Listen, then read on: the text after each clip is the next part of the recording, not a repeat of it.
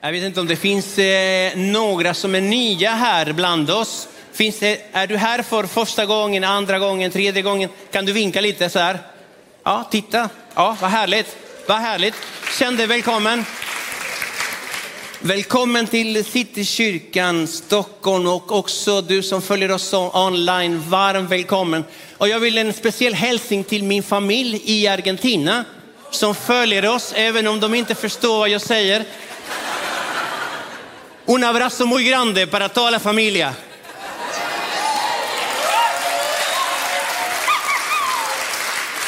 Ibland så. Vad härligt. Hörrni, eh, vad jag har saknat er. Ja, jag har varit borta i tre söndagar så jag har ah, världens abstinens av att vara med i kyrkan tillsammans med er och prisa Gud tillsammans med er. Alltså det känns jätte, jättegott eh, att vara tillbaka. Vi har varit eh, i två och en halv vecka i Argentina och firat jul och nyår med min familj. Det har vi inte gjort på fem år och så det var dags. Så att man eh, åt mycket kött. Jag vet inte vad de gör med kossorna där borta men och eh, firat att Argentina hade vunnit VM i fotboll också. Äh, Det kändes gott faktiskt. Eh, men fantastiskt att vara hemma också. Borta bra, men hemma bäst. Ja, att vara här eh, tillsammans med er. Eh, mitt namn är Jorge Moreno, för, eh, en av pastorerna här i Citykyrkan. Och tillsammans med min fru Rosa har vi privilegiet att, att tjäna i den här fantastiska församlingen. Inte alls partiskt. Eh, eh, jag fick ett ord från, från Herren för, eh, för ett tag sedan, för några dagar sedan. Eh, och han sa så här, tala profetiskt till mitt folk.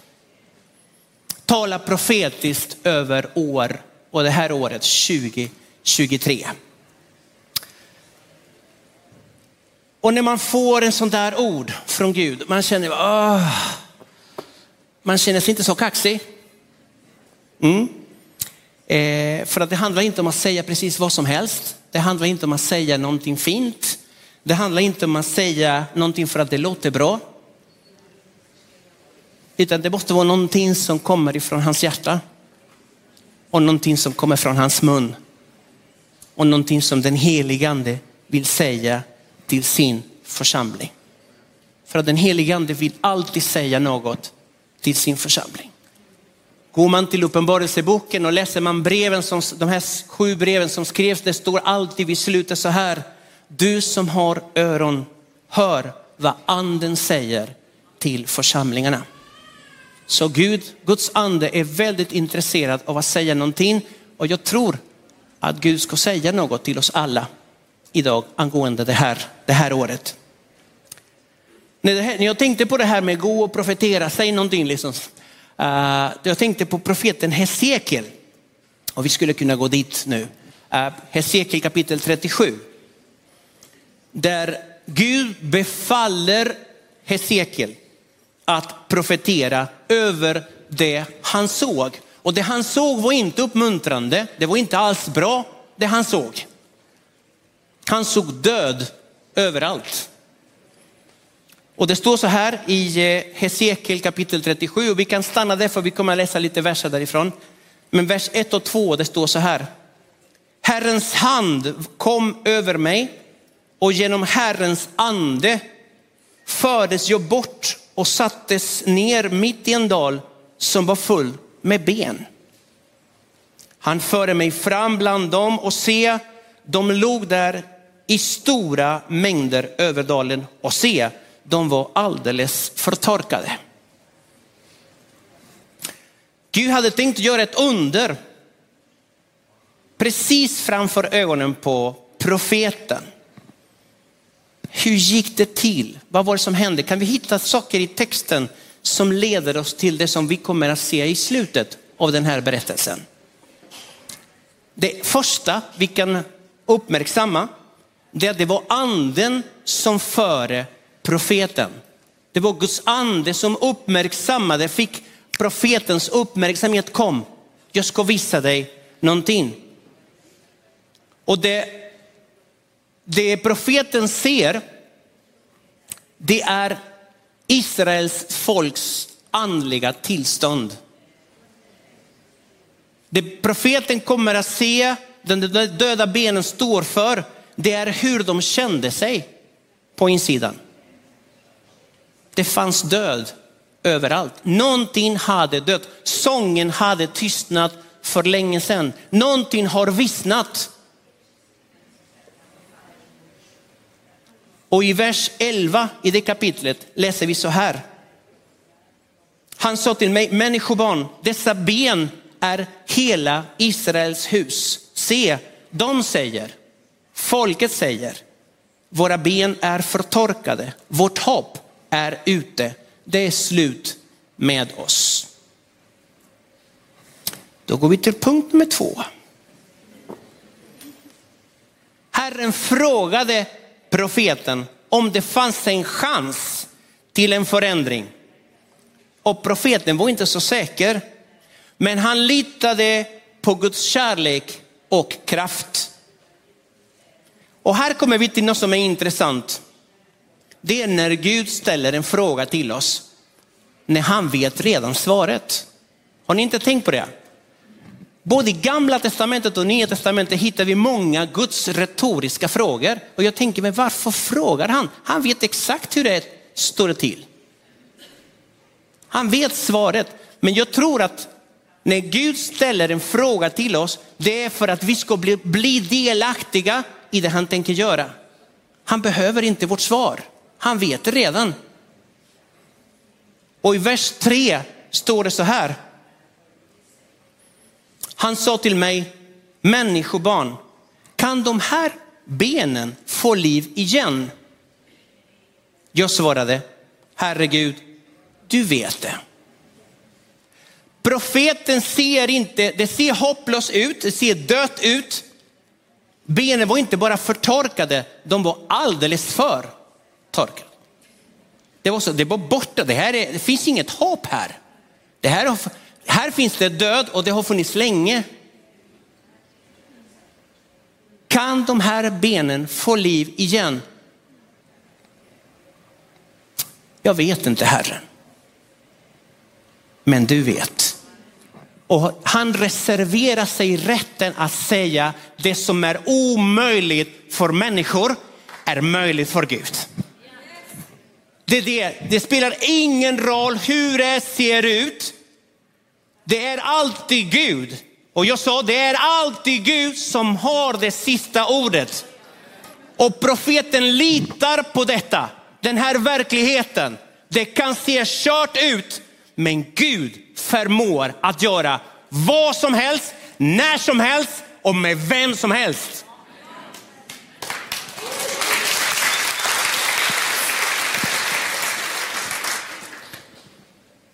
Och då talar Gud. För handla, alltid handlar om så här, det ser ut så här och det, det känns så här och någon säger så och alla säger så, Satan säger så. Tills Gud säger något. Och det är han som talar i den här berättelsen. Och det ser vi i vers 5. För det här handlar inte profetera människobarn och sen, ah, jag får se, jag ska säga något fint, något som låter andligt. Det handlar aldrig om det, utan det handlar om att Herren talar.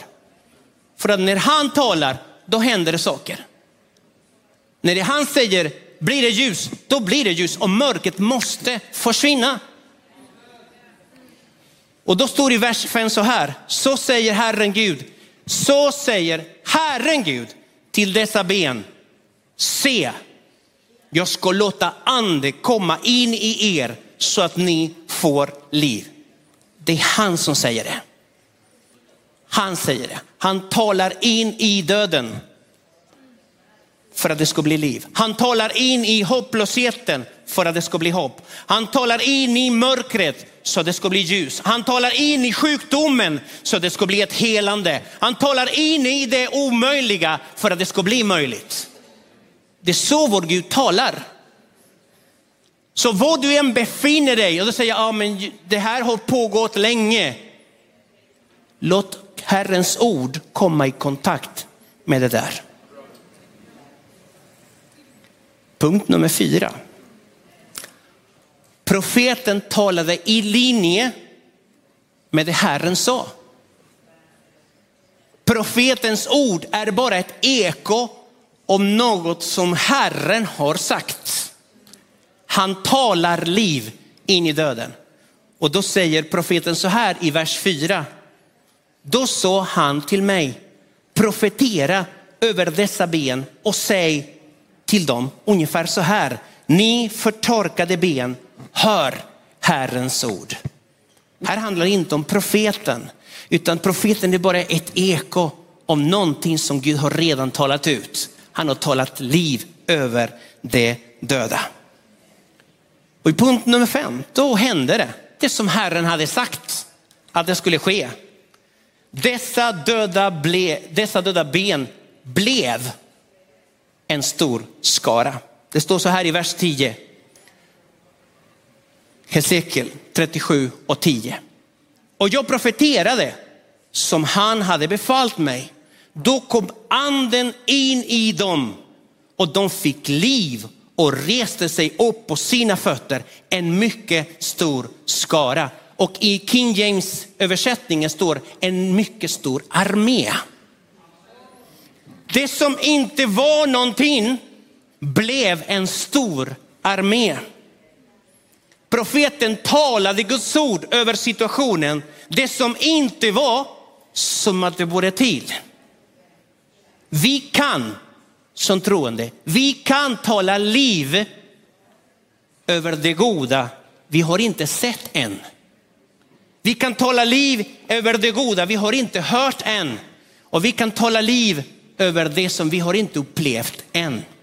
För att det är just det som vår Herre vill ge var och en som älskar honom.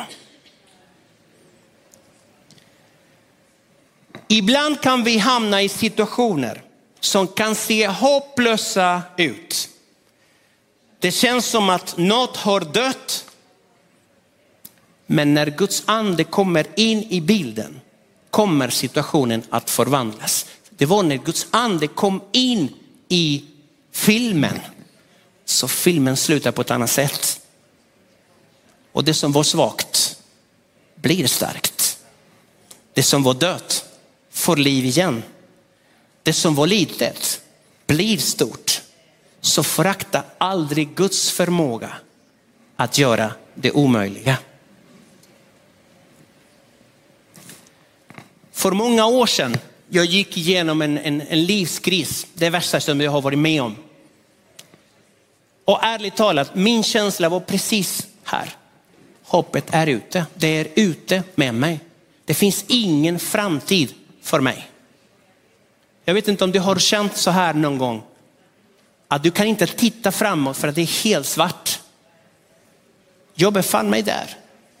Och jag tänkte det finns inget hopp för mig. Tills Herren talade. Då åkte jag till Israel och då befann mig jag sista dagen av den resa på en restaurang, en latinorestaurang och jag skulle äta kött. Alltså Gud vet hur man gör. Han vet hur man kan få min uppmärksamhet. Och där sitter jag tillsammans med några andra och jag ska äta min biff. Ah, vilken känsla. Och han som ledde resan, Göran Duveskog, han säger, Jorge jag har ett ord till dig. Och då talar han och säger kompensation, kompensation, kompensation. Jag fick inte in biffen i halsen. Jag fick inte den in i munnen. Strupen var totalstängd. Jag var chockad. För att det var som att han talade liv i min död. Jag såg inte någonting framför mig, men helt plötsligt när Herrens ord kommer i kontakt och jag bara tog det. Gud, om det är du som talar, låt det bli så. Och idag, många år senare, jag lever i det han sa den dagen. För att det skulle komma en tid av kompensation, det skulle komma en ny tid. Jag hade en framtid, jag hade ett hopp och det hade han i sin hand. Men det visste inte jag. Men jag tog emot hans ord Det var som att nu kunde jag se. Nu kunde jag hoppas. Framtiden tillhör honom. Det här med att befinna sig i en svår situation. När man inte vet vad man ska göra. Då tänker jag på lärjungarna. Apostlarna och lärjungarna precis efter Jesu död. Det kan inte vara kul. Hur kände de sig? Kände de sig besvikna? Kände de sig vilsna? Kände de sig, ja det här blev inte som vi trodde. Kände de sig utan hopp? Kände de sig rädda? Jag vet inte. Kanske känslan var en blandning av allt det här. Det vi vet är att de samlades bakom stängda dörrar av rädsla för de religiösa myndigheterna i Jerusalem. Då var lärjungaskaran inte så stor. Jesus hade sagt någonting till dem, lämna inte Jerusalem och vänta. Så de skulle göra hur många saker? Två. Inte lämna Jerusalem och vänta. Vad skulle de vänta på? Ja, de skulle vänta på faderns löfte. De skulle vänta på en gammal profetia i Joel där det står att, att anden skulle utgjutas över hela folket. Det var vad de väntade. Och det stod i Apostlagärningarna kapitel 1, vers 4 till 5 så här. Vid en måltid tillsammans med apostlarna befallde han dem, lämna inte Jerusalem utan vänta på vad Fadern har utlovat, det som ni har hört åt mig. Till Johannes döpte med vatten, men ni ska om några dagar bli döpta i den helige ande. Det är lite svårt att föreställa sig vad apostlarna och lärjungarna väntade. Jag vet inte, jo vi ska vänta men vad kan man förvänta sig? Något som ju aldrig hänt. Hur gör man det?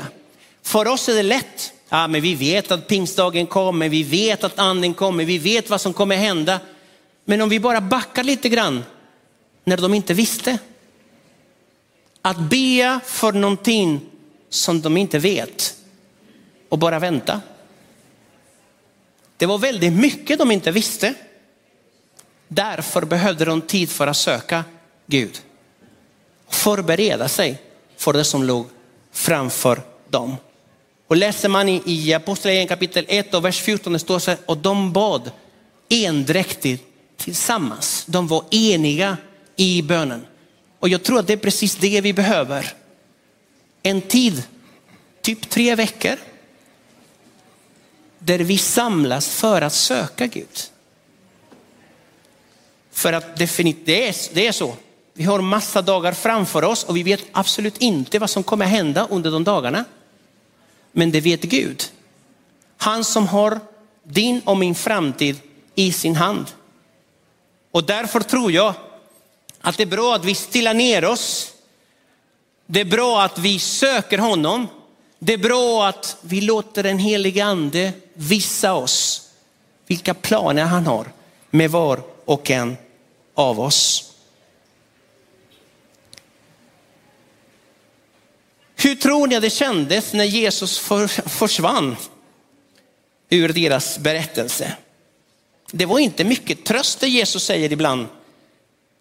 Det är bäst för er att jag går bort. Man tänkte, nej det är det inte. Utan det bästa för oss är att du stannar kvar. Nej. Och i Johannes kapitel 16 och vers 7 det står så här. Men jag säger er sanningen, det är bäst för er att jag går bort, ty om jag inte går bort kommer inte hjälparen till er. Men när jag går bort ska jag sända honom till er. Det bästa för er, det bästa för oss. Kan du säga så här, det bästa för mig? Vet du vad det betyder, det bästa för dig? Det är att det finns ingen som är bättre än det. Det finns ingen som är bättre än att den helige ande kommer i kontakt med oss. Det är bäst för er att jag går bort. För då kommer den hjälparen, då kommer den helige ande till er. Det är det bästa för varje troende. Det spelar ingen roll om du blev frälst igår. Det bästa för dig är att låta den helige ande ta över att den helige ande får vägleda oss. Och sen vet vi, kom pingstdagen, sen vet vi att det var som en stormig vind som fyllde hela rummet och flammor som av eld fördelade sig över deras huvud. Sen kan vi det här, för det har vi läst många, många gånger. Helt plötsligt fattar de vad Jesus menade.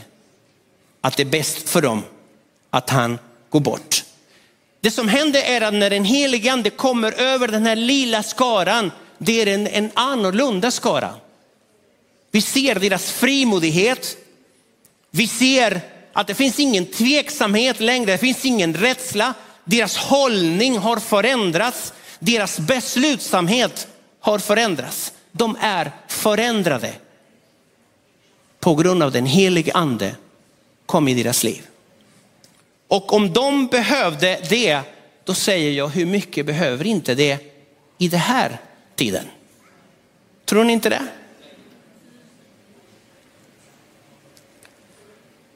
Ropa till mig så vill jag svara dig, säger Jesus.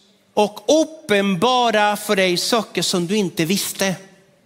Jag tror att det finns saker som vi har inte sett. Det finns saker som vi har inte hört. Det finns saker som vi har inte upplevt och som Gud vill ge det till oss.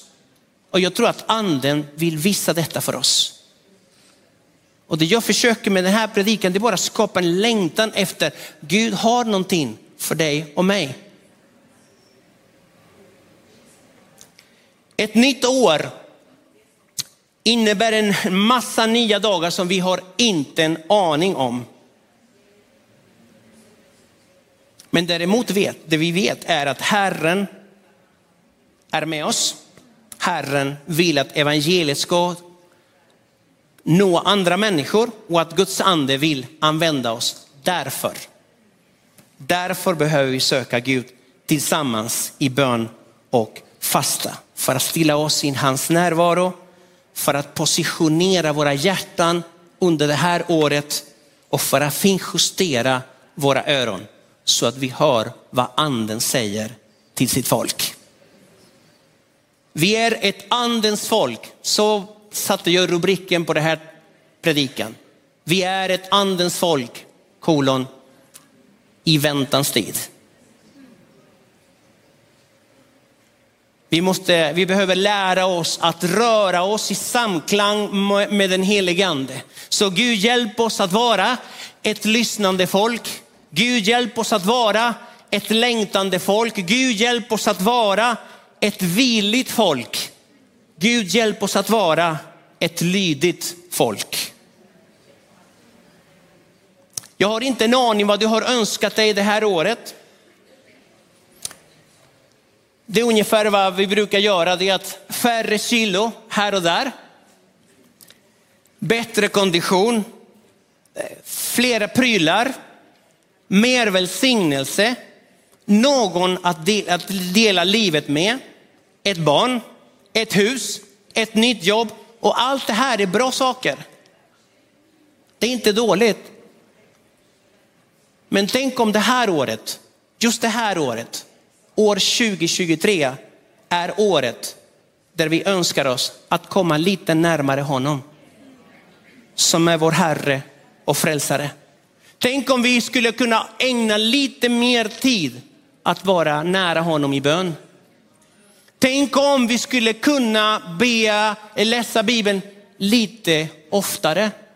Tänk om vi skulle kunna ge mer av vår tid och resurser till hans verk. Tänk om, om vi skulle engagera oss mer i det som han vill göra. Tänk om vi skulle vara mer frimodiga att, att förmedla evangeliet till andra. Tänk om, om jag skulle vilja fördjupa mig i kunskapen om vem han är genom att typ gå en bibelskola eller göra någonting. Nu är det reklam för bibelskolan också. Jag tror att det är en ny säsong på ingång och att den helige ande vill leda oss i något som är nytt.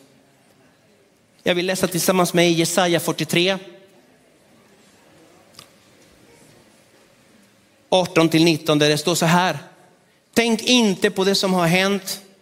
Bry er inte om det som, som var förr.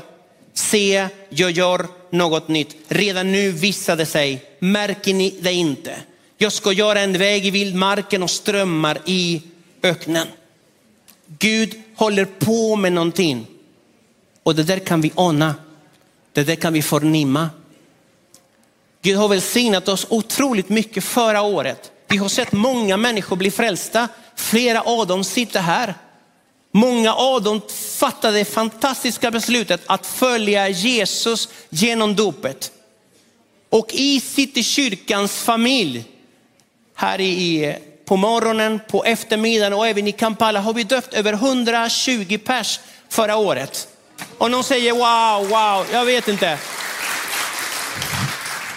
Men jag tror att det här är bara början. Jag, jag är absolut inte nöjd. Jag tror att Gud kommer att göra mycket, mycket mer det här året. Och Gud vill använda dig jättemycket, dig och mig. För det han tänker göra. För att det finns många människor som behöver frälsning. Många människor som behöver ett helande. Många människor som behöver ett vidrörande från Gud. Jag tror att det finns en hel värld som skriker och ropar efter Gud. Och Gud säger, jag ska sända mitt folk till dem. Det här året det kanske det här är, är året där vi får se mycket, mycket mer av detta. Vi kan inte greppa, välkomna eller omfamna det Gud har för oss om vi inte släpper det som vi har bakom oss.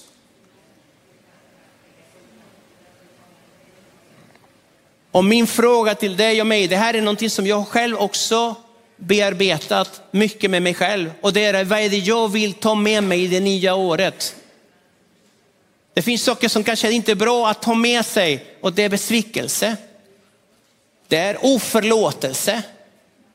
Det är gamla sår. Det är nederlag. Det är misslyckanden. Det är brustna drömmar. Det är dess smaken. Det kanske är bra att den stannar i 2022. Och istället för att titta bakåt börjar jag bara titta framåt i det som Herren vill ge oss. Låter det inte som en bra idé?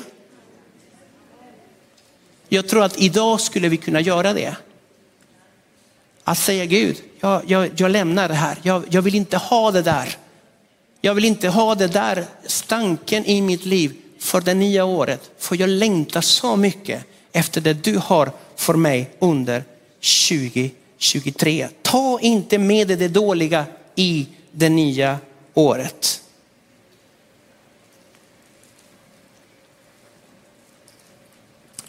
Vi är ett andens folk som kan profetera, deklarera och tala ut Herrens ord, Faderns löften, ta emot andens kraft över våra liv över våra familjer, över våra arbetsplatser, över våra skolor, över våra församlingar och över våra städer, över vårt land. Och med det här också vi vill välkomna detta 2023. Ett år där anden vill göra något nytt bland sitt folk. Ett år där vi disponerar våra hjärtan att Guds vilja sker. Och att vi tillsammans som Guds folk kan säga, låt din vilja ske. Så som i himlen, så och på jorden. Kan vi böja våra huvuden. Herre Jesus, vi tackar dig Herren för att du har en plan med var och en av oss Herren. Tack för allt det goda du har redan i din hand min Gud till oss. Tack min Gud för att det finns frihet där. Tack för att det finns förlåtelse där. Tack min Gud för att det finns nya chanser där. Tack för att det finns ny kraft. Tack för att det finns glädje. Tack för att det finns inspiration min Gud. Tack för att det finns nya drömmar Herren. Tack min Gud för att det finns människor som väntar på att vi ska vittna om dig till dem. Tack Jesus för att det finns människor som väntar på vår bön. Tack gode Gud. Tack för alla ord som du vill placera i våra munnar min Gud för att välsigna med de andra människor som är runt omkring oss. Jag ber just nu min Gud att du hjälper oss att släppa det som tynger ner oss. Att vi kan göra upp med det min Gud. Att vi kommer med din synd, med vår synd till dig. Att vi kommer med det som, som bromsar och hindrar våra liv till dig min Gud. Vi lämnar över det till dig för att ta emot din frid, ta emot din frihet, för att ta emot din kraft istället. Tack Jesus. Tack Jesus för att du gör något nytt. Tack för 2023 min Gud. Tack för allt vad vi kommer att se under detta år. I Jesu underbara namn. Amen. Amen.